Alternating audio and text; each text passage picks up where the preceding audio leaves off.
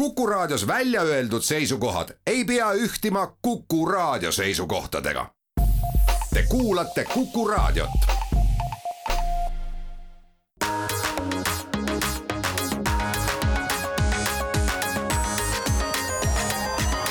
digitund tere hommikust, head Kuku raadio kuulajad, on esmaspäev, kahekümne esimene november.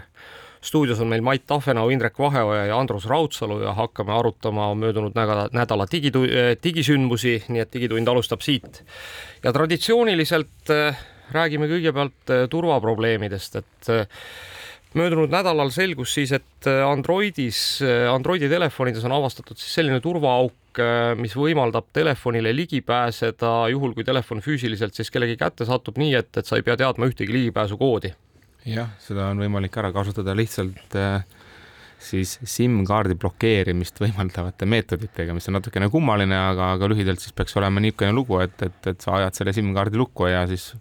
lukustatud SIM-kaardi lahti võttes saad lahti ka telefoni, mis on lukus. jah, ehk, ehk, ehk siis see tähendab seda, et kui keegi noh, kui mõni pahalane saab teie telefoni enda kätte, paneb sinna sisse, noh, võtab teie SIM-kaardi välja, paneb sinna sisse mõne SIM-kaardi, mida ta siis ise teab, mille PIN ja pukkkoode ja siis, kui siis äh, sisestada siis SIM-kaardi PIN-kood kolm korda valesti, siis küsib telefon pukkkoodi ja peale pukkkoodi sisestamist ei küsi telefon enam mingit turvakoodi, vaid äh, tegelikult avaneb täielikult, nii et. oluline on teada, et see mõjutab nii Android kümme, üksteist, kaksteist ja kolmteist ja selle parandus tuli välja seitsmendal novembril, nii et kes ei ole veel oma telefoni tarkvara uuendanud, kiiresti tasuks seda teha. tundub väga selline kuidagi, no ma ei tea, karjapoisilik asi niimoodi, mis on nagu kahe silma vahele siis jäetud või? no tead, ma ütleks, et see ei ole midagi esmakordset, siuksed juhtumid on olnud varem minu arust kõikidel telefoniplatvormidel ühel või teisel viisil, kus on võimalik mingi labase tehnoloogia abil mööda hiilida, küll mitte sama mustriga, eks ju mm -hmm., aga samasuguse meetodiga sai ka mõni aeg tagasi, noh, mõni aeg, see oli mingi viis aastat tagasi, äkki sai mingisse iPhone'i sisse, et, et kõigil juhtub nojah, ütleme, et äh, ega siin midagi ei ole teha, et äh, tuleb lihtsalt olla valvas ja tuleb ikkagi alati teha oma turvauuendusi, see, millest me oleme kogu aeg rääkinud. ja, aga me rääkisime möödunud nädalal sellest, et on võimalik nüüd testida juba password'i vaba siis sisenemist passkeys.io saidi peal ja kõik kasutajad, kes on kogu aeg mures olnud, et, et, et kuidas see nüüd see passkey'de nagu lahendus niimoodi toimima hakkab, et ma ei jääks ühestki platvormist sõltuma noh, meenutan siis kõigile, et Baskis on tehnoloogia, kus siis paroole sul justkui enam ei ole, et sinu seade tegeleb ise äh, sellega, et sa saaksid sellele leheküljele siis viisil või teisel ligi et äh.... ja jah, ja noh, ütleme, et siis sellele, sellele rongile on hüpanud Apple ja Google, eks, ja, ja kui sul on siis näiteks Apple'i seade, on ju, siis Apple'i ökosüsteemis olles, noh, põhimõtteliselt kõigi Apple'i seadmetega saad sa seda kasutada. Aga, aga nüüd tekib see küsimus, et juhul, kui sa kasutaksid korraga nii Apple'i seadet kui ka näiteks äh, Windowsi seadet, äh, siis Windowsi seadmetel selleks, et sedasama mugavust kasutada, noh, ütleme, et eeldusel näiteks, et teie iPhone on siis äh, see passkey, passkey kandja, siis selleks tuleb Windowsis hakata siis iPhone'iga mingisuguseid QR koode skaneerima, mida siis veebisaidid näitavad. aga on olemas ka mugavam meetod. ja, et see first password või one password või kuidas iganes, noh, one password vist on see, kuidas teda öeldakse, eks. või üks password, et nemad hakkavad samuti Baskit toetama järgmise aasta alguses ja nad on esimesed üks selliseid, kes siis on nagu nagu sõltumatu osapool, kes on välja öelnud, et neil selline tugi tuleb. no küllap see tuleb muidugi kõigile teistele levinud parooli hoidlatele, aga, aga, aga kindlasti on see hea teada ja, ja endiselt soovitan, et kes ei ole testinud, aga tahab teada, et mismoodi see Baskey'de asi ikkagi välja näeb ja, ja olla nagu võimalikult vara valmis, siis käige seal baskkeys.io saidi peal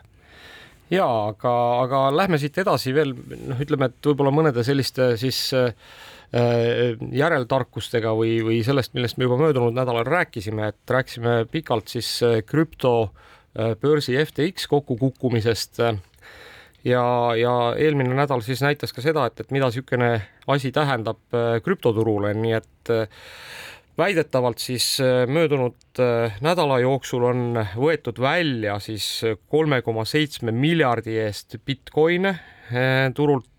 kahe koma viie miljardi eest Ethereumi ja siis äh, kõikvõimalikke muid coin'e äh, siis ka umbes kahe miljardi eest. Ehk ehk sisuliselt tähendab see seda, et, et noh, natukene võib-olla krüptoturu jaoks on selline olukord nagu Lehman Brothers, et, et, et, et toimuvad siis need siis pangajooksud või, või mis iganes, eks siis teistele krüptotegijatele ja selle peale siis on ka Binance'i, kes on siis maailma kõige suurem krüptobörs, juht Changpeng Zhao siis teatanud, et Binance loob siis sellise fondi, millega ta hakkab toetama siis noh, ütleme, et abi, abi vajavaid krüptoettevõtteid, kes on raskustesse sattunud siis selle FTX-i kriisi tõttu. tõsi küll, ütleme selles mõttes on asi nagu äh, natuke koomiline, et tuleb meenutada, et FTX oli ise see ettevõte, kes siis kevadel kõiki abi vajavaid krüptoettevõtteid kõvasti toetas ja sinna raha andis, aga aga noh, nüüd kui vaadata ka seda, et seda infot, mis siis välja on tulnud FTX-i kohta, siis noh, ütleme, et et iga järgmine kiht sellest kooritud sibulast läheb aina kibedamaks, et et, et ikkagi tegu tegu oli nagu totaalse Bonsi skeemiga ehk, ehk siis äh, põhimõtteliselt nagu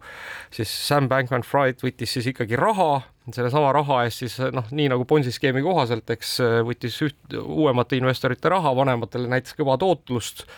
Ja noh, mis on ikkagi kõige kohutavam, on see, et nüüd on välja tulnud ka see, et tal olid ikkagi kõikvõimalikud tagaukse ligipääsud igasugustele raamatupidamissüsteemidele, mida muidugi pankrotihalduri väitusel nagu eriti ei eksisteerinudki seal firmades aga, aga isegi siis, äh, kui juba oli see kõik, kogu see kaardimaja oli kokku kukkunud, siis mingi tagaukse kaudu oli ta ikkagi veel võtnud ka natukene umbes miljardi jagu vist raha välja endale onju. aga noh, vaatame, eks ma arvan, et ma arvan, et ta siit ei pääse ja võib-olla siinkohal on, siinkohal on mõistlik äh, rääkida ka natuke siis sellest, et möödunud nädalal äh, Elizabeth Holmes, kes siis on Äh, üks teine selline kurikuulus äh, ettevõtja, äh, kes tegi siis vereteiste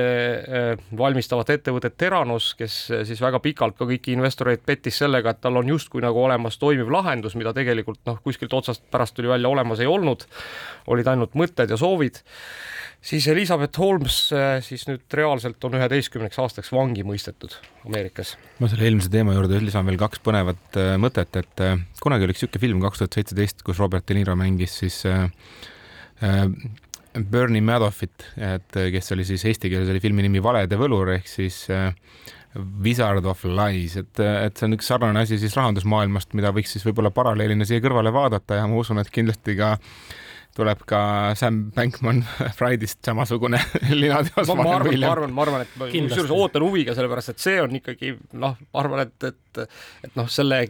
võrgustiku keerulisuse kõrval ikka Bernie Madoff nagu kahvatub, ma arvan, SPF-i kõrval eks ole, no ja järgmine asi on muidugi alati suurem kui eelmine. muide, mis eelmisel nädalal tekitas väga palju ka pahameelt inimestes, on see, et seesama eh, Sam Bankman-Fried on eh, siiamaani siis eh, esinejana kirjas ühel New York Times Timesi siis Dealbug Summitil. Dealbug Summitil ja, kus ta siis peaks oma kogemustest ja kõigest muust rääkima, mis iseenesest muidugi oleks ei, no, väga huvitav. ma arvan, et ma arvan, et ma arvan, et praegu oleks palju rohkem neid inimesi, kes oleks nõus maksma. kui ta päriselt sinna kohale ka läheb, siis ma ütleks, et. no vot, seal on vist see, et, et eh, ma ei tea, vist jätkuvalt ta varjab ennast, ma ei tea, ta oli Bahamal, aga vahepeal oli juba mingisugune info selle kohta, et ta on kuhugi mingisse Lõuna-Ameerika riiki põgenenud sealt, et. et kui ta sinna jah. ega ta sinna Ameerika nagu mandrile vist füüsiliselt ei taha minna, onju, või noh, õigemini Ühendriikidesse riikidesse. Õnneks virtuaalne maailm on olemas, nii et. no see oleks iseenesest väga kõva, kui, kui ta esineks virtuaalselt. varjab ennast metaversumis kõlaks väga põnevalt. nüüd on aeg panna need kiivrid konverentsil pähe ja lähme vaatame, mida Sam meile räägib. kuulge, aga rääkides muuseas nendest konverentsi kiivritest, siis äh, noh, kes, kes on, kes huvitub sellest, siis äh, soovitan üles otsida möödunud nädalal äh, Vergecastis oli siis üks pikem, nende podcastis oli üks pikem arvustus siis Facebooki siis uue selle siis virtuaalreaalsuse, kuidas ma siis pea, peaehte, peaehte kohta on ju. kroon et mis, mis oli ikkagi nii hävitav, et, et, et noh, ausalt öeldes oli, noh, ma seda kuulasin ja, ja noh, kõrvadest tilkus ikkagi verd, et mm, -hmm. et noh, et põhimõtteliselt ikkagi nii halvasti mõne toote kohta ma pole kuulnud, et ammu keegi midagi ütles, et noh. aga kas seal midagi hästi ka oli või oli kõik ainult halvasti no,? tegelikult püsis ilusasti peas vähemalt äh,? Seda ka mitte? ei, vist ei püsinud ilusasti peas ka, et ikkagi pidi, pidi nagu otsmiku peale rõhuma ja pea valutama ajama. aga noh, küsimus on selles, et, et, et kogu see tarkvara, mis seal taga jookseb, ütleme, et kui isegi see võib-olla riistvara ja siis noh, ma ei tea, see läätsetehnoloogia ja mis iganes seal on, eks on noh, justkui nagu selline okei okay, siis äh, esiteks noh, mis sai kõvasti kriitikat, oli selle kiivri reguleerimine, ehk siis noh, ütleme, et, et kõik need ratakesed ja mutrikesed, mida sa pead keerama, et sealt väga head pilti kätte saada. noh, kuigi võib-olla tulevikuversioonides hakkab seda tegema noh, mingi masin ise või, või robot, eks, aga, aga noh, praegu on see ebamugav ja noh, ja lõppkokkuvõttes ikkagi see tarkvara oli kohutav, et noh, siis inimesed kirjeldasid seda, et kus nad läksid virtuaalsele koosolekule ja siis jäid seina külge kinni. Süda pahaks kohe ja nii edasi. ja muid selliseid asju, muuseas süda pahaks ei lähe seepärast, et sellel kiivril on nüüd tehtud siis mingisugused sellised klapid, mida sa saad siis sinna nagu juurde panna, mis noh, nagu varjavad sinu seda, seda periferaalset nägemist, nii et sa noh, kõrvalt siis nagu seda reaalset maailma ei näe ja noh, väidetavalt, et kui sa tahad eriti head kogemust saada, siis sa pead veel viiekümne äh, dollari eest ostma nagu niisugused natuke paremad nagu need varjukid sinna kiivri, sellele kiivrile, aga aga noh, lõppkokkuvõttes jah, et, et, et see tarkvara lahendus oli ikkagi olnud aga päris kohutav. kõlab mitte kohe... isegi beeta, vaid alfa tase. võib ka ju padjapüüri sinna pähe tõmmata, et siis on nagu kohe kõik ju ära varjatud. nojah, aga see tark, tarkvara, tarkvara ikkagi ei paranda, et noh, mis on naljaks, on naljaks on nagu see, et noh, et, et kui nüüd nagu tegelikult mõtleme selle peale, et et Mark Zuckerberg on nagu noh, investeeri-, noh, investeerib nagu kümme miljardit või kulutab kümme miljardit, eks igas aastas on ju.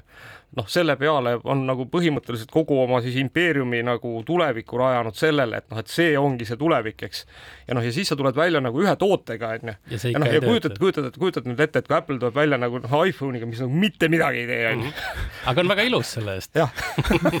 aga see on kõigi tulevik on ju. Läheme siitkohalt nüüd reklaamipausile ja oleme varsti tagasi.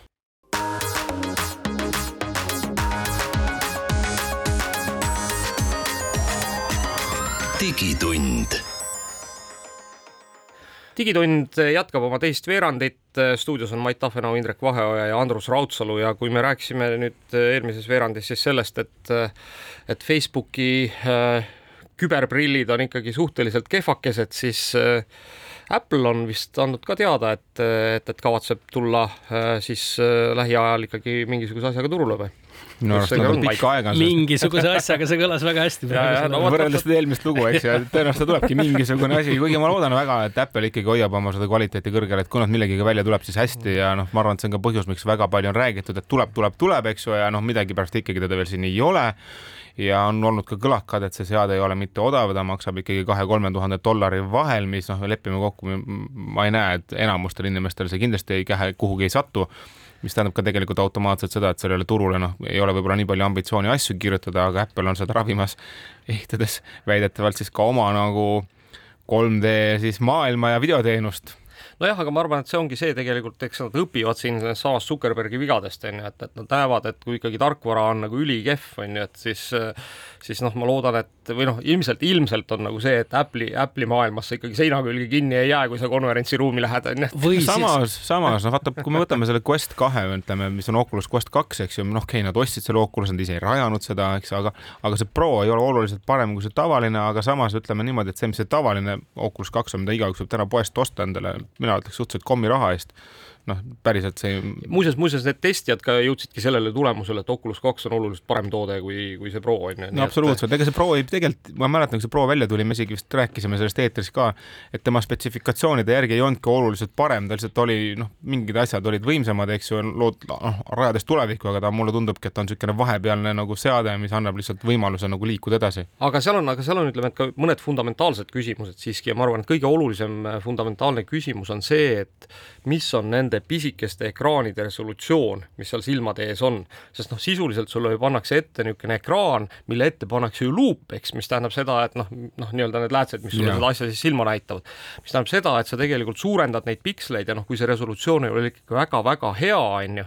siis noh, eks noh, vaata nii nagu Meta, eks oma noh, nendes mingisugustes välja näidatud asjades lubab, et noh, et sa saad, paned need virtuaalreaalsuse prillid pähe, eks on ju, ja siis su ette tekib kolm nagu suurt monitori ja sa hakkad nendega töötama. aga no andke andeks, eks, et, et kui selle nagu kogu selle asja resolutsioon, eks, mida sulle näidatakse, on nagu kaugel 4K monitori resolutsioonist, eks, et kuidas sa saad endale siis sinna noh, silma ette kolm 4K monitori manada, on ju. ja noh, ja see ma ütlen, et, et noh,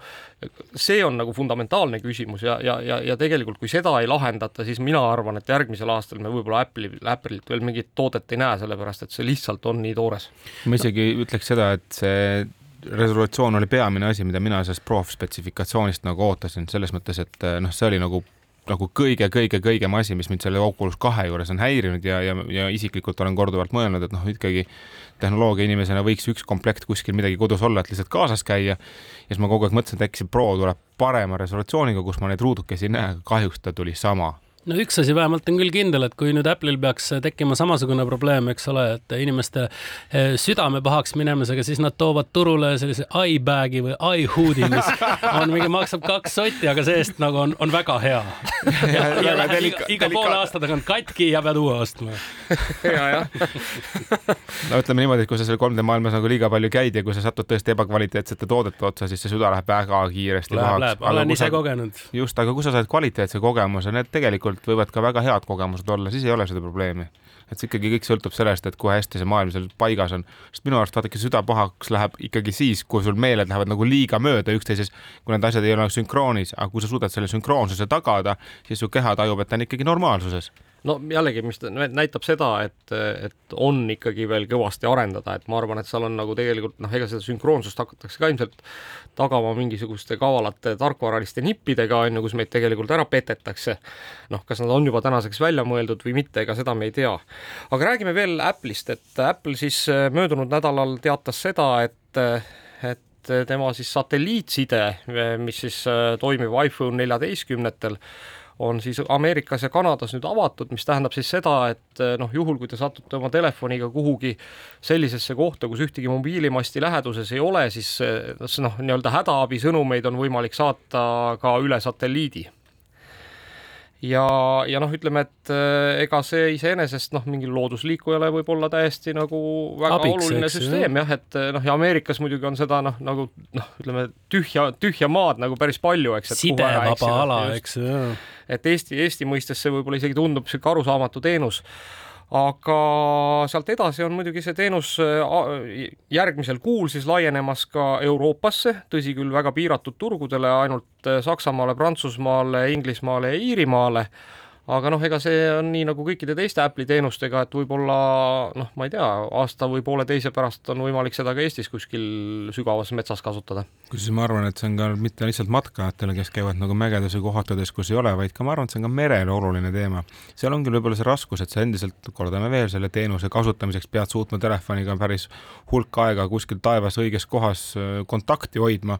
ja väga palju nagu sellises keerulises olukorras võib-olla sul see ei õnnestu, aga noh, siiski meri on see koht, kus isegi kui noh, lepime kokku mägedesse ühel hetkel võib-olla mingisugune side tekib, kus on populaarne matkarada, aga merele naljalt sellist asja ei teki, et seal ei ole sul pääsu kosmosega jätkame ja no möödunud nädalal nüüd läks siis NASA-l õnneks äh, asi, mida siis augustist saadik on üritatud ja Artemis äh, lendas siis kosmosesse ja, ja suund on teada. Kuu peale, noh, mitte kuu peale, vaid kuu ümber tehakse siis orbiidil tiir, viiakse läbi seal päris mitmed mõõtmised ja siis tullakse, tullakse tagasi, et see kogu see trall peaks siis kuskil no kuu aega kestma jah, minu arvates kas ei ole mitte üksteist või kaksteist detsember on see siis, kui see, äh, kui siis see tagasi tullakse, eks ju sealt. siis, siis on äh, tehiskaaslane rakett, eks peaks, peaks tagasi sisenema maa atmosfääri mm. -hmm. elusolendeid seal peal ei ole, eks ole, aga küll on sellised äh, noh nukud või, või ma ei teagi, kuidas nende kohta peab ka ütlema, dummies, eks ju. kas ma hakkasin mõtlema praegu, et meil on päris palju niisuguseid nagu fotograafe, kes on siis endale teleskoobi külge kaamera pannud ja teevad kuust pilte ja on olemas ka supersuumiga ju kaamerad hakkasin mõtlema, et kui pisike. kas oleks võimalik nagu tabada jah, jah, seda täpikest seal ümber kuu lendamas. Äh, jah, no vot, mine võta kinni. vaatad pärast, see triibukene siin oli Artemis, kes pani mööda. no sul on äh, NASA lehelt äh, võimalik no, kogu informatsioon kätte saada, et kuhu minnakse, kus ollakse ja, ja kui sul õnnestub siis oma äh, ajakava ja, ja valmisolek noh, sättida mm, täpselt samaks, siis võib-olla saad. lihtsam on variant, kirjutan Tallile, et tahan näha Artemist ümber kuu lendamas ja tõsi. ja kusjuures, kusjuures äh, seal on äh, selle Artemisega päris huvitav, et seal esmakordselt siis õigemini siis jah, selle vabandust, mis siis, Orion on vist selle asja nimi, mis on see, see nii-öelda tehiskaaslane, mis siis ümber kuu lendab. et, et, et seal esmakordselt siis kasutatakse uut võrguarhitektuuri kus siis noh, vanasti kõikides nendes noh, ütleme, et keerukates süsteemides olid siis kõik kriitilised komponendid nii-öelda oma kohtvõrgu peal. Ja nüüd on seal siis ühine võrk ja, ja see on siis nii-öelda ajakoodidega juhitud, nii et noh, paketid ei peaks omavahel segamini minema, aga juba, juba Äh, siis teatasid häkkerid, et on võimalik ikkagi see võrk hulluks ajada, juhul kui sinna panna üks selline väga lihtne, suhteliselt väike seade, mis siis genereerib äh, mingisugust jama. Äh, ja see noh, iseenesest on niisugune paari sentimeetri suurune, noh, ütleme, et loodetavasti seal kindlasti seda ei ole, aga noh, tulevikus äh, ka NASA on öelnud, et ta teab juba ja on sellest teadlik ja, ja noh, tegeleb nii-öelda ka tarkvara uuendusega selleks, et et selliseid noh, ütleme, et ka sedasorti äh, probleeme tulevikus vältida. kosmoseuudiseid meil on veel ja nimelt maandus siis Ameerika päikesejõul lendav kosmoselennuk, olles siis olnud rekordilised üheksasada kaheksa päeva maa orbiidil. Eh, kuues missioon oli see ja noh, viidi seal läbi siis erinevaid teaduslikke eksperimente, mida täpsemalt seda eh, siin väga öeldud ei ole, aga eelmine eh, missioon kestis tal siis seitsesada kaheksakümmend päeva, nii et veel pikemalt on suutnud siis järjest kosmoses olla ja no nüüd kokku on ta siis läbinud üks koma kolm miljardit miili ja kolm tuhat seitsesada seitsekümmend neli päeva kosmoses olnud, päikese jõul liigub see siis, eh, see aparaat eh, kosmoses. ja, ja mis on veel võib-olla oluline äh, uudis, mis puudutab ka kõiki meid, siis Euroopa Kosmoseagentuur on siis teatanud sellest, et plaanib lähiajal viia orbiidile äh, sadu või kui mitte tuhandeid, kui mitte tuhandeid pisisatelliite, mis siis äh, täiendavad navigatsioonisüsteemi Galileo, nii et teatavasti on ju GPS-i kõrval neid navigatsioonisüsteeme maailmas veel, venelastel on mingisugune, hiinlastel on mingisugune ja, ja, ja on ka Galileo äh, mis on siis Euroopa oma ja, ja need uued satelliidid siis tegelikult hakkavad võimaldama Galileol umbes sentimeetrise täpsusega määrata asukohta maakera pinnal, noh, mis on väga oluline kõikvõimalike isejuhtivate autode ja noh, ma ei tea, pakirobotite ja kõikide muude selliste teenuste arendamiseks. ja seal on nagu areng sellepärast, et Galileo senised satelliidid on kuskil seitsesada kilo, eks ju, ja lendavad siis eh, paarikümne tuhande kilomeetri kaugusel meist, siis nüüd uued on siis kuskil seitsekümmend kilogrammi ja seal ei ole ülitäpseid aatomkelli peal, sest see funktsioon siis eh, võetakse nendelt kõrgematelt satelliitidelt, et eh, noh, hoitakse kokku selle pealt ja kusjuures kõike see, kõige selle valguses on tegelikult praegu ju arutlusel, nii palju kui ma tean, ka selline siis äh, uus äh, nii-öelda kokkulepe, et, et, et kõik satelliidid, mis kosmosesse lastakse ja juhul, kui nad enam ei tööta, siis tuleb nad sealt kiiresti ära koristada, noh vanasti nad võisid vist tiirelda umbes kakskümmend, kolmkümmend aastat ümber maakera ja noh, kui, kui nad siis lõpuks kuidagi Alla. oma jah, just nimelt äh, vaikselt atmosfääri sisenesid ja ära põlesid, aga noh, nüüd kipub vist olema nii, et et varsti on noh, ütleme, et noh, ma ei tea, et, et kui näiteks tulnukad peaksid maakera ründama, siis maakera ümber on juba kaitsekiht satelliitidest, millest läbi ei pääse. Ma mõtlesin, ma lisan korraks selle väga lihtsa asjaolu ka, et miks nagu see GPS-i täpsus, ütleme, või noh, ütleme, satelliidi koordineerimise täpsus läheb suuremaks, kui need rohkem on et noh, ei ole küsimus selles, et noh, et ma sain nüüd ühe parema endale, vaid mida rohkem sul neid on, seda kergem on lihtsalt võimalik teha, sest tegelikult siis GPS-i positsioon arvutatakse välja paljude erinevate satelliitide kaugus sinu suhtes, eks ju. viga mida... läheb väiksemaks, eks ju. just, just, just, et selles mõttes see on see võtmemärksõna, kui keegi tahtis teada, et mismoodi siis see peaks meid aitama. aga lähme siit nüüd reklaamipausile ja oleme tagasi varsti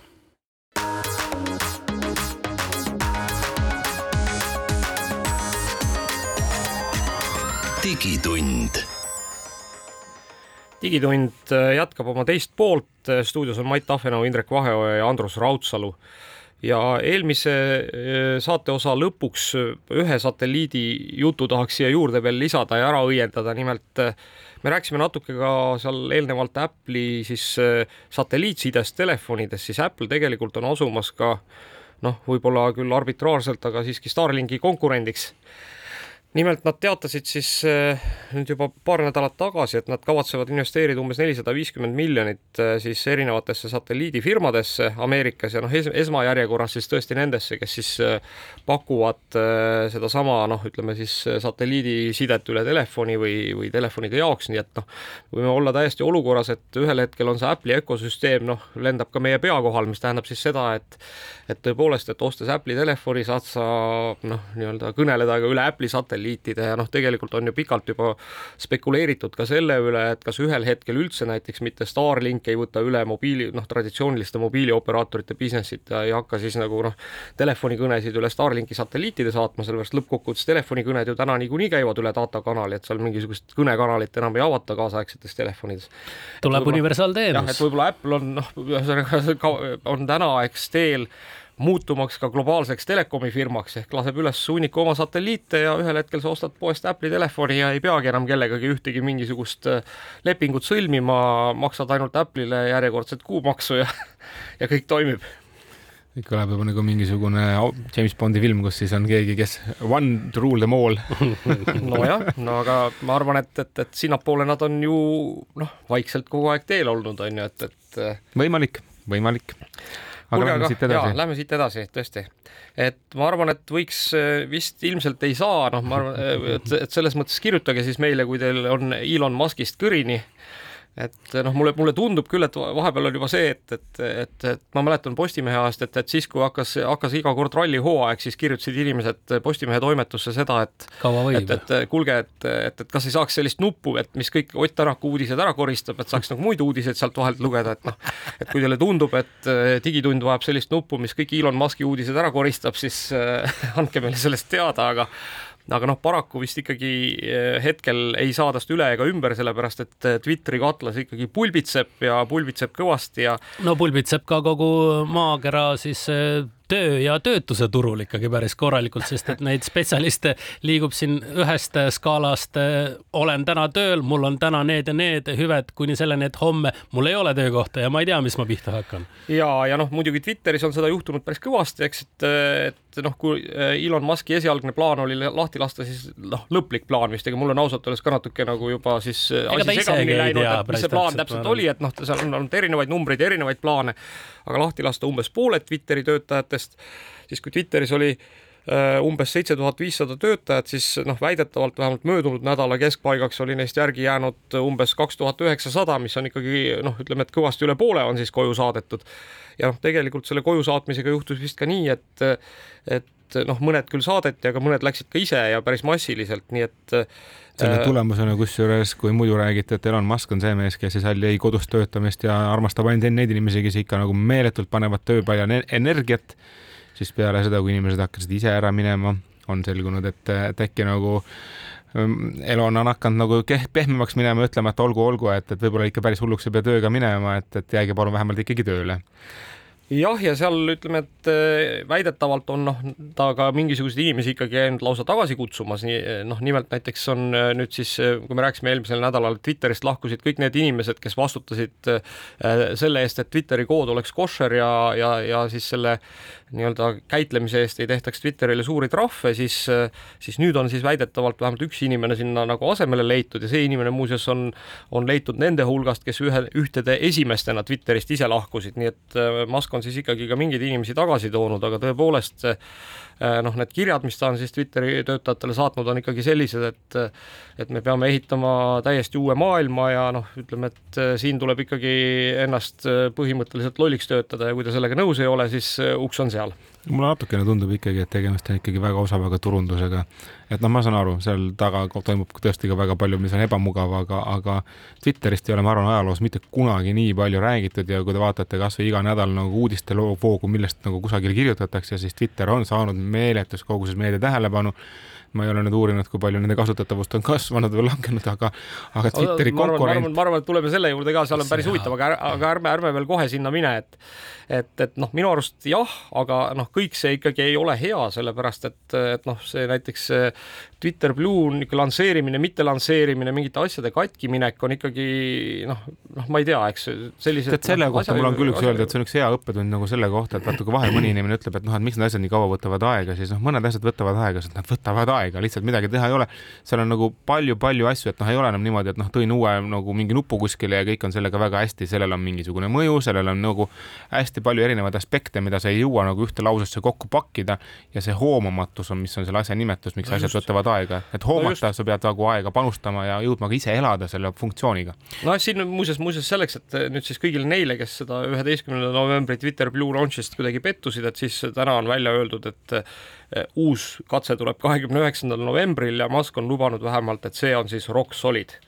nii et öö, ootame ja vaatame, aga, aga, aga noh, ütleme, et et nüüd teistpidi tagasi tulles nagu selle juurde, eks, et kui kompleksne see süsteem on, siis ega ma arvan, et ega ka Muskil ei ole mingisugust ettekujutust, ei olnud ja võib-olla ei ole ka täna veel, aga noh, ma loodan, et ikkagi mingisugune juba tänaseks on, eks. et, et noh, kuidas, mis see Twitter siis iseenesest tegelikult endast kujutab, seepärast et ma arvan, et Twitter sellisena, nagu ta on ja sellisena, et ta on olnud nagu majanduslikult suhteliselt kehvas seisus kogu aeg, ta on olnud tegelikult selle iseenda teenuse ohver, eks, ehk sa kogu noh, seal ei ole nagu head ärimudelit, sa ei saa kasutada kasutajate andmeid, noh, Facebook on teinud suhteliselt tuimalt, eks öelnud, et ma kasutangi kasutajate andmeid, Twitter on kuidagi nagu võtnud teise tee, eks on ju, nüüd ta seda teha ei saa, eks noh, raha justkui nagu ei tule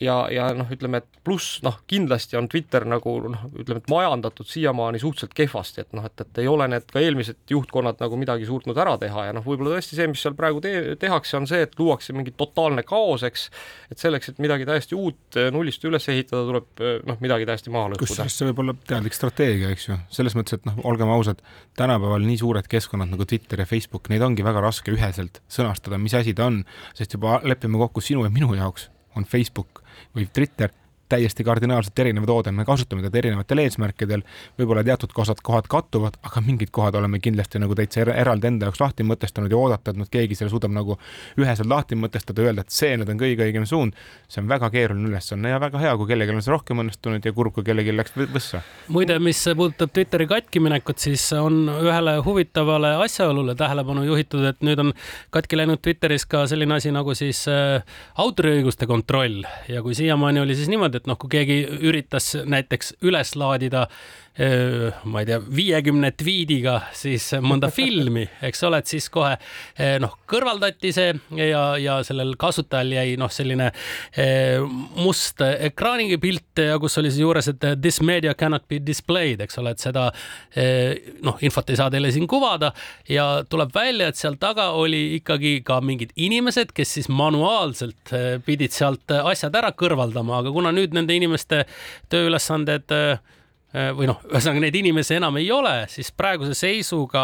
jäävad need filmid, näiteks kui keegi võtab sellise asja, et viiekümne tweetiga film üles laadida, siis see film jääb käima, et, et see ei kao kuskile ära. uus, uus Pirate Bay. ja täpselt nii. aga no ma ütleks, et kõik, kes tahavad panna pea liiva alla, öelda, et ma tõstan selle liiva alt välja siis, kui see Twitteri saaga on nagu mingi rahu leidnud, on leidnud endale uue keskkonna, mille nimi on Mastodon jaa no ja sellest on eh, nüüd palju juttu siin eelmise nädalavahetuse eel, kui läksid eh, Twitteris ka kõlakad lahti, et no nüüd kukub sellel nädalavahetusel Twitter kokku, et no siin ei ole enam mitte midagi, et kukub kokku ja läheb katki ja, ja noh, kui te tahate siis oma, no ma ei tea, follower'e alles hoida, et siis te peate Mastodoni üle minema aga, aga noh, ütleme niimoodi, et Mastodon globaalses mõttes ei ole veel nii suur võrgustik no, midagi. nii suur on kindlasti nüüd nagu väga ikkagi selline noh, juba ma ütleks, et sa teed, Mastodonile au, et ta ei ole nii suur, et Mastodonil ikkagi enne Twitteri probleeme oli siis äh, Mastodonil umbes äh, nelisada tuhat aktiivset kasutajat üle maailma. ja noh, tõepoolest äh, nüüd siis paari nädalaga on see kasvanud üle miljoni, nii et noh, juurdekasv on ikkagi märgatav, et noh, kui arvestada seda, et, et, et ikkagi rohkem kui paari aasta jooksul noh, suutis sinna tulla suhteliselt väike hulk inimesi ja väidetavalt on siis selliseid noh, kontosid loodud seal juba üle kolme miljoni. nii et et eh, noh, on vist ka Eestis olnud siin esmased eh, sellised eh, progressiivsed Twitteri kasutajad, kes on juba teatanud seda, et nad on ka noh, et nad on ka Mastodonis olemas, ma ei tea, nad tõenäoliselt oma Twitteri kontosid vist ära pole kustutanud. aga noh, Mastodon on ikkagi natuke teistsugune asi kui Twitter, et noh, tegu on ju siis selles mõttes sellise noh, kuidas ma ütlen, distributeeritud võrgustikuga, et põhimõtteliselt igaüks meist võib panna püsti Mastodoni serveri ja hakata siis seal noh, mingisuguse seltskonnaga mingisuguseid diskussioone pidama iga asi natukene teistmoodi ja kõigil on erinev viis, kuidas selleni jõuda, eks ju, ja ka Twitter omal ajal oli väga suur teerajaja uuel teenusel kui mikroblogi. ja aga lähme siitkohalt äh, reklaamipausile oleme juba varsti tagasi.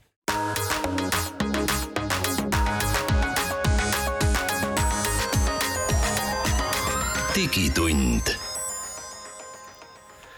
digitunni viimane veerand on eetris, stuudios on Mait Tafenau, Indrek Vaheoja ja Andrus Raudsalu ja räägime natuke veel Elon Musk'i probleemidest, nimelt tema probleemid ei ole siis äh, seotud ainult Twitteriga, kuigi nii võib tunduda, et äh, möödunud nädalal siis äh, toimus Muski ülekuulamine seoses sellega, et, et mõned Tesla investorid arvavad, et Musk saab Teslast ikkagi ülemäära palju tasu. noh, palgaks on seda vist raske nimetada. nimelt kahe tuhande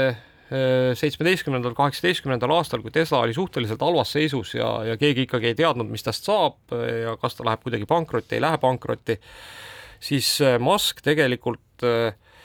kui ma õigesti mäletan, siis vist isegi loobus mingist oma Tesla osalusest ja, ja ütles, et ta ikkagi tõmbab Tesla nii-öelda trammi alt välja ja siis äh, seal pandi umbes äh, äh, kui ma õigesti mäletan, siis kas kaksteist vist nagu sellist noh, sihtmärki, eks, mida ta siis pidi täitma, mis olid siis seotud noh, Tesla aktsiatega, seal vist ka mingisuguste tootmismahtudega ja nii edasi. ja, ja selle, selle, selle eest siis kokku äh, lubati talle siis viiekümne viie miljardi eest Äh, Tesla aktsiaid. noh, see, need eesmärgid olid ka meelega seatud sellised hästi-hästi kõrged, eks ole? jah, muidugi ja mis on, mis on, mis tuleb ka öelda, et noh, sellest ajast alates on Tesla aktsia kasvanud umbes äh, no vist natuke üle tuhande protsendi ehk, ehk, ehk üle saja korra, eks mm, -hmm. et, et on siis Tesla läinud kallimaks, et et, et, et tollel ajal siis tundus jah, et, et, et, et see nagu on äh, selline noh, nii-öelda võimatu missioon, mis talle ette pandi, on ju sest ma mäletan, et üks asi, mis seal oli, oli äh, see, et Tesla turuväärtus peab olema kuussada viiskümmend miljardit. ja noh, ütleme, et ma arvan, et tollel hetkel oli Tesla turuväärtus vist äh, äh, noh no kordades väiksem, ütleme niimoodi. jah, no ma ei tea, noh, ikkagi seal võib-olla paar miljardit või midagi sellist, eks on ju. ja noh, ega muuseas Tesla ei ole sellest kaugel, eks, et täna Tesla turuväärtus, eh, just praegu vaatan, viissada kuuskümmend neli miljardit eh, dollarit. Eh, ja siin on isegi on päris huvitav, et, et on öeldud, et, et, et Bloomberg on öelnud, et, et Tesla on tõenäoliselt kõige väiksema käibega ettevõte, kes kunagi on saa-, saa-, noh, kes saavutab triljonilise turuväärtuse minu arust see on natukene sarnane kõikidele nendele juhtumitele, kus mõni ettevõte on otsustanud, et annab kas müügi või kellelegi teisele inimesele nagu ebareaalsed ootused, eks ju, sellepärast et ta noh, niikuinii, et noh, ära sa neid too, eks ju, aga noh, riputan sulle selle porgandi sinna ette, et see ikkagi kuhugi poole jookseks ja ühel hetkel, kui inimene on nii osav olnud, et porgandi peaaegu kinni püüab, siis tunnevad inimesed, oot-oot, kurat, tegelikult ikka nii ikka ei saa, eks ju. aga, aga, aga, aga, aga jah, noh, ütleme, et mis kõige, kõige nagu võib-olla äh, koomilisem kogu selle asja juures oli siis, mida on siin möödunud nädalal ka kõvasti tsiteeritud, siis äh, Musk siis teatas, et tegelikult ei taha ta üldse olla Tesla tegevjuht ja üldse ei taha ühtegi organisatsiooni juhtida, see kõik on jube vastik nii et, nii et noh, ütleme, et Tehnoking ja, ja, ja Chief Twit ja need on kõik niisugused nagu siis siis tegelikult positsioonid, mida ta hoida ei taha. aga ma arvan, et äh, vist on see meie Muski äh, tänane doos äh, ületatud juba, et, äh, et lähme edasi ka muude uudistega et möödunud nädalal siis äh, äh, ettevõte, mis toodab enamuse äh, mobiiltelefoni kiipidest, Androidi mobiiltelefoni kiipidest, siis tuleb öelda äh,. Qualcomm teatas seda, et nad tulevad välja oma uue siis äh, kaheksanda Snapdragon kaheksa generatsioon kaks protsessoriga ma arvan, et see toob turule nagu mitu olulist asja, et esiteks tulevad jällegi uued ja võimsamad ja paremad Androidi telefonid, aga teine oluline asi on see, et, et miks peaks üldse enam kedagi huvitama, et tuleb turule uuem protsessor, on nendes lisaprotsessorites, mis seal sees on et äh, kõik see, mis on, me räägime nagu ai-st, mis täna toimub pilves, eks ju, siis tegelikult paljud inimesed ikkagi ei taha, et tema andmed kogu aeg kuhugi pilve transporditakse ja määravaks on saanud see, et kas su telefon suudab nende asjadega ise ka iseseisvalt hakkama saada. et äh, teadupärast näiteks uusima pikseltelefoniga peaks saama täiesti vabalt ilma internetiühenduseta transkribeerida teksti ja noh, see on niisugune asi, mida jällegi nagu siiamaani paljud inimesed ei ole tahtnud kasutada, sest nad ei tahaks, et nende märkmed kogu aeg kusagil pilves hõljuvad ja jumal teab, kellele kättesaadavad on. just, ja Google'is, tähendab, vabandust, Pixeli telefonis teatavasti on Google'i protsessor, samamoodi on ju Apple'i telefonis, kui me vaatame siis Apple'i telefoni protsessoreid, ehk siis, siis tegelikult noh, see, mis seal pidevalt ikkagi väga kõvasti kasvab, on kogu see tehisintellekti osa või tehisintellekti siis toetav mootor Äh, ja noh, täpselt samamoodi, eks Apple'i telefonid ju suudavad teha enamus, enamus nii-öelda sellest protsessingust, mis vanasti tehti kuskil pilves juba telefoni sees. nii et äh, võib loota siis seda, et äh, Qualcomm'i uus protsessor toob selle võimekuse noh, kõigile neile telefonitootjatele, kes mingil põhjusel oma protsessorit ei kasuta, vot siin on nüüd noh, minu arust kõige suurem küsimus on Samsungis, kes vist Ameerikas kasutab Qualcomm'i protsessoreid, aga, aga Euroopas kasutab siis enda protsessoreid, mis väidetavalt ikkagi pidi olema natukene kehvemad kui Qualcomm'i omad. kui me juba telefonidest räägime, siis Google Maps tegi eelmine nädal ühe uuenduse otsingule, tegelikult mitmetesse muudesse Google'i asjadesse tuli veel, aga mis jäi silma, et, et ma ei tea, kas varem sai, aga kui sa nüüd otsid oma telefonist Google Maps'i rakenduses charging station, siis ta leiab ka Eestis üles, kus on elektriauto laadimisjaamad. aga tead, minu arust elektriautodel kõigil on ka sisse ehitatud mingi siukse funktsionaalsus, kus saad kuskilt sirvida, kus nad on, aga. tead, miks see funktsionaalsus seal on või? Sellepärast et Google saab selle läbi teada, et sa oled elektriauto omanik ja saab sulle midagi müüa. kindlasti, võib-olla sellepärast oligi. kas seal Maps'is on veel mingeid uudiseid või? seal oli küll, aga ma ei ole nagu neid kõiki läbi testinud ega oska nagu nende kommenteerida, aga üks asi, mis jäi silma, oli see, et peaks saama siis Google'i rakendusega tänaval vaadata läbi kaamera mingeid maju ja siis ta ütleb sulle, et aa, siin on sul näiteks pood, siin on sul too maja nojah, siin elab Mait, kes on elektriauto omanik aga muuseas, nali naljaks Äh, Google sai nüüd USA-s vist ajaloo suurima trahvi äh, just selle tõttu, et äh, siis Google ikkagi on inimesi jälitanud ja, ja, ja põhimõtteliselt siis on, küsimus on selles, et, et, et kui sa siis ütlesid Google, Google'ile, et, et ma ei taha, et mind jälgitakse, siis, siis justkui nagu see keerati kinni, aga vaikselt ikkagi kuskil taga toimus mingisuguste andmete salvestamine. Ja nüüd siis äh, on esmakordselt ajaloos vist lausa nelikümmend Ameerika osariiki äh, pannud ennast noh, nii-öelda kokku ja teinud siis ühe sellise noh, kohtuasja Google'i vastu ja siis trahvisid Google'it neljasaja miljoniga, noh, mis iseenesest Google'i jaoks, noh, õigemini siis väga täpne olla, kolmesaja üheksakümne kahe miljoniga, mis Google'i jaoks tõenäoliselt ei ole väga suur summa ja tõenäoliselt on kuhugi sinna äriplaani juba sisse kirjutatud, noh, reaalne trahvid Ameerika Ühendriikidelt, noh, sinna kõrvale, kus on trahvid Euroopa Liidult, on ju aga, aga iseenesest on see ikkagi märgiline. ja vaata, raskem on võib-olla ka nagu asjaolus, et lihtsalt nagu see maja on ehitatud mingil hetkel nii suureks ja noh, tõenäoliselt loota, et sa jõuad üldse need kõik asjad ära parandada ja muuta ja ja ka võib-olla nagu selle hügieeni sellele tasemele viia, et niisuguseid asju ei ole, et kui sa nullist ehitad ja ma tean, et niisuguseid asju ei tohi teha. see on palju lihtsam kui see, et sa oled ehitanud niisuguse kolossiumi valmis ja nüüd vähehaaval ütleme, et kuule, lähme nüüd käime kõik kohad läbi, et, et noh, see on, see on ikka meeletult suur ettevõtmine ja isegi kui tundub, et noh, Google'il raha on, minge tehke siis jumala eest ära no tehnoloogia inimesena kõik saavad aru, tegelikult see ei ole niimoodi, et ma nagu iga asja alla suudan vaadata ja kuskil kindlasti jääb mingisugune tracker jooksma, kui palju ta mõju avaldab ja kui palju ta kellegi radaril on, see on nüüd teine asi. kuule, üks põnev uudis veel tehisintellekti vallast ka ja tänane Postimees kirjutab siis seda, et Tšehhi Teaduste Akadeemia Arvutiteaduste Instituudi teadlased on siis äh, nüüd uurinud masinõpet ja tuleb välja, et masinõppele mõne asja selgeks tegemine on võimalik ilma puhkuseta, aga kui siis hakata täiesti uue teemaga lähenema, väsib tehismõistus ära, et natukene sarnane nagu inimmõistusele, et sul on vaja vahepeal puhata, sul on vaja und, et sul siis eh, lühimälust asjad edasi liiguksid ja kinnistuksid. tead, ma ütleks seda, et äh, peaks vist korraks selgitama ära, mis tähendab puhkamine, eks ju, et me tavaliselt mõtleme selle, et panna näiteks arvuti puhkama, see tähendab seda, et tegelikult lülitame välja, eks ju, või kui me läheme magama, et me lülitame ennast välja, et noh, tegelikult see ju nii ei ole ja minu arust siin mõeldakse ka selle all, et tegemist on justkui niisugused, kui te mäletate, vanasti tuli kõva ketast defragmenteerida, et asjad oleks loogilistes asukohtades, need oleks kiiremini kättesaadavad, eks ju, et tegelikult sa pead, vaata, kui inimene magab, no samamoodi tegelikult mõistus ju sorteerib nagu selle materjali ja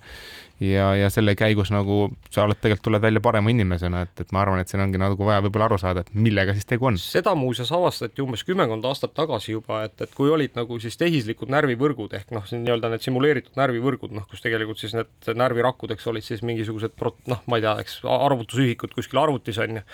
et siis nendes närvivõrkudes, kui nad olid piisavalt suured,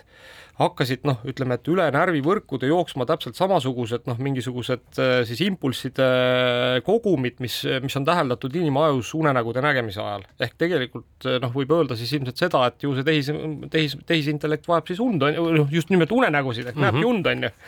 vahepeal. seal on veel öeldud siis seda teadlaste poolt, et tehisintellekt siis käitub kohati nagu selline noh, mälunõrkusega vanainimene, et, et oma lapsepõlve asju või mis tal on siis algses õppefaasis õpetatud, need on väga hästi meeles, aga viimasel hetkel õpitu, see kaob ära, et eks ole, et ei leia neid kohti enam ülesse, kuhu see info talletatud on, et selles osas on sarnasus inimesega täiesti olemas. kuulge, aga veel tehisintellekti rindelt mõned põnevad uudised. nimelt siis Meta siis tehisintellektiga tegelev osakond koostöös siis ühe sellise noh, ütleme, et vabatahtliku projektiga, mille nimi on Papers with Code, on siis lansseerimas ja välja arendamas ja lansseerimas tehisintellekti nimega Galactica, mis siis on mõeldud selleks, et ta suudab kirjutada teadusartikleid ehk, ehk sisuliselt suudab ta siis noh, mingisuguste protse- pro,, äh, mingeid pro probleeme tõstatada, nende üle siis arutleda ja, ja noh, ka ütleme, et erinevatest kohtadest koguda mingisuguseid andmeid ja, ja, ja neid siis süstematiseerida ja noh, nii-öelda seal arutelus ka välja tuua. kuule, aga ma lisaks siia saate lõppu ühe olulise uudise, et et kui me oleme eelmisel korral natukene puudutasime seda, kuidas suured tehnoloogiaettevõtted nagu Amazon ja Facebook on otsustanud oma töökultuuri nagu parandada ja lastes väga paljudel inimestel minna, siis leidsin ühe vinge Exceli tabeli, kus on ära mainitud ka Eesti ettevõtteid, et kes siis värbavad. et sel hetkel on seitsesada kuuskümmend kuus ettevõtet kirjas ja dokumendis on ka näha, et mis positsioonidel inimesi värvatakse, et ma panen pärast selle lingi meie selle Real Digitundi Facebooki lehele, et saate minna vaatama, kes värbab ja kuhu kandideerida no vot, äh, hea on kuulda see, et äh, kui mujal maailmas on inimesi üle, siis Eestis on ikkagi puudu, nii et äh, ma loodan, et kõik need inimesed siis teevad endale Eesti e-koda, kodakondsuse ja, ja hakkavad siis virtuaalselt meie ka riigikassat oma maksudega täitma, aga siitkohalt me peame saatele joone alla tõmbama, sest aeg on läbi saanud ja kohtume juba kuulajatega järgmisel nädalal.